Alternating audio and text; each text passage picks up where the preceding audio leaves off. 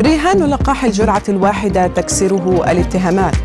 الهند تدخل مرحلة جديدة مع كورونا وثلاثة في المئة فقط من أراضي الكوكب سليمة بيئيا. أبرز أخبار الساعات الأربع والعشرين الماضية في دقيقتين على العربية بودكاست. بعد الشكوك في أثاره الجانبية بدأت دول بإظهار مواقفها من لقاح جونسون آند جونسون. هولندا مثلا أعلنت اعتزامها مبدئيا عدم استخدام هذا اللقاح في حملتها الوطنية للتطعيم فيما قررت الولايات المتحدة الإبقاء على تعليق استخدامه لمدة أسبوع على الأقل. هذا ووصل عدد حالات التجلط الدموي في الأوردة الدماغية التي ظهرت بعد التطعيم بلقاح جونسون آند جونسون إلى ست حالات حتى الآن بين سبعة ملايين شخص تلقوا اللقاح. كسرت الهند عتبة جديدة في أزمة الوباء لديها. فللمرة الأولى تجاوز عدد الإصابات اليومية في البلاد حاجز المئتي ألف.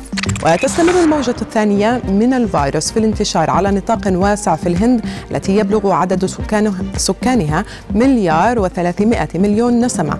وتضاعف عدد الإصابات اليومية فيها منذ بداية أبريل لتتجاوز الهند البرازيل وتصبح البلد الثاني من حيث عدد الإصابات بكوفيد 19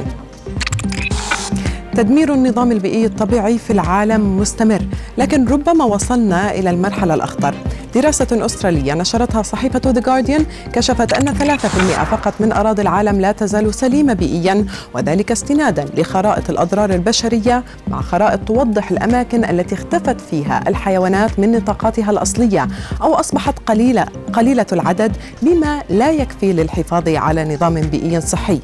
المناطق التي تم لم تتضرر من الأنشطة البشرية بشكل أساسي هي أجزاء من غابات الأمازون والكونغو وغابات شرق سيبيريا وشمال كندا ومناطق التندرا في القطب الشمالي. خطرة هي الأدوية المضادة للاكتئاب في معظمها كما تتخيل لو كان هناك بديل طبيعي عنها. دراسة أجرتها جامعة إمبيريال كوليدج لندن توصلت إلى أن مركبا مركبا مخدرا يوجد في الفطر السحري قد يكون علاجا سحريا للاكتئاب وبنفس فعالية الأدوية بل أفضل من بعض منها. هذه المادة هي السيلوسيبين تأثيرها على الجسم يتراكم خلال 30 إلى 40 دقيقة ويمتد لحوالي أربع ساعات. وبالمناسبة وافقت إدارة الغذاء والدواء الأمريكية في 2018 على استخدام السيلوسيبين كعلاج في بعض الأمراض العقلية والنفسية رغم المحاذير التي تعطى لمستخدميه.